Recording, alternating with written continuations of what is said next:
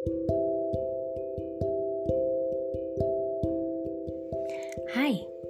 selamat datang di episode pertamaku.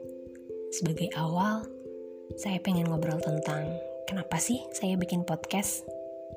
Ini bakalan curhat sih, tapi mudah-mudahan ada pelajaran yang bisa diambil sama teman-teman ya.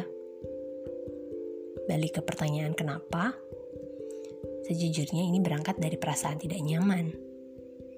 Ya, sejujurnya setelah menikah dan punya anak, saya sering merasa tidak berguna Bukan, bukan saya menyepelekan pekerjaan ibu rumah tangga atau menganggap itu tidak bermanfaat.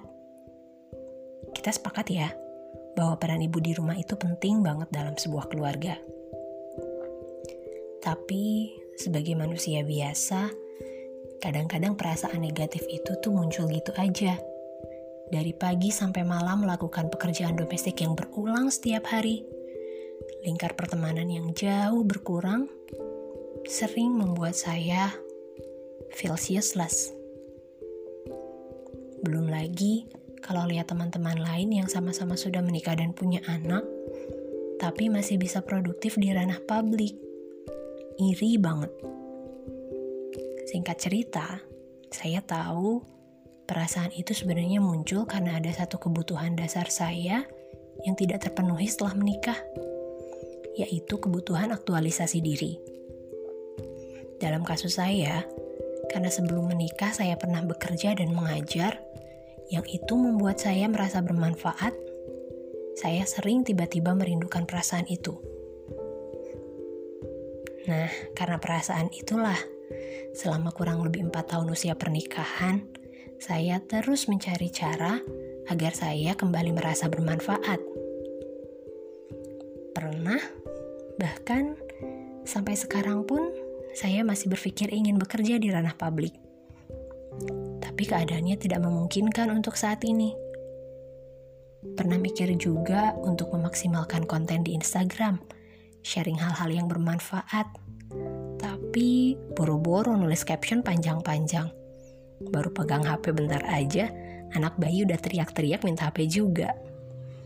Terus, apa bikin vlog aja gitu ya? Jadi YouTuber? Tapi itu pun saya masih harus banyak belajar.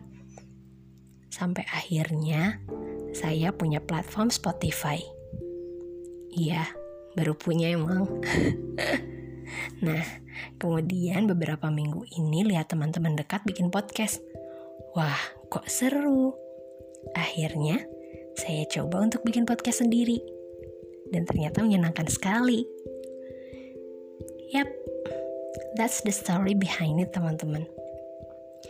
Dan yang ingin aku sampaikan adalah menjadi bermanfaat adalah sebuah kebutuhan. Gak peduli kamu single atau sudah menikah, menjadi produktif adalah sebuah keharusan. Biar seimbang, kebutuhan aktualisasi diri terpenuhi, kewajiban kamu untuk bermanfaat juga tertunaikan. Banyak banget sih sebenarnya jalannya. Dan kenapa saya pilih ini? karena yang terjangkau kapasitas saya adalah ini. Meskipun sebenarnya ini curhat, tapi saya berharap ada hikmah yang dapat diambil ya. Baik, terima kasih ya sudah mendengarkan. Kritik yang membangun, saran serta usulan tema diperkenankan. Sampai jumpa di episode selanjutnya.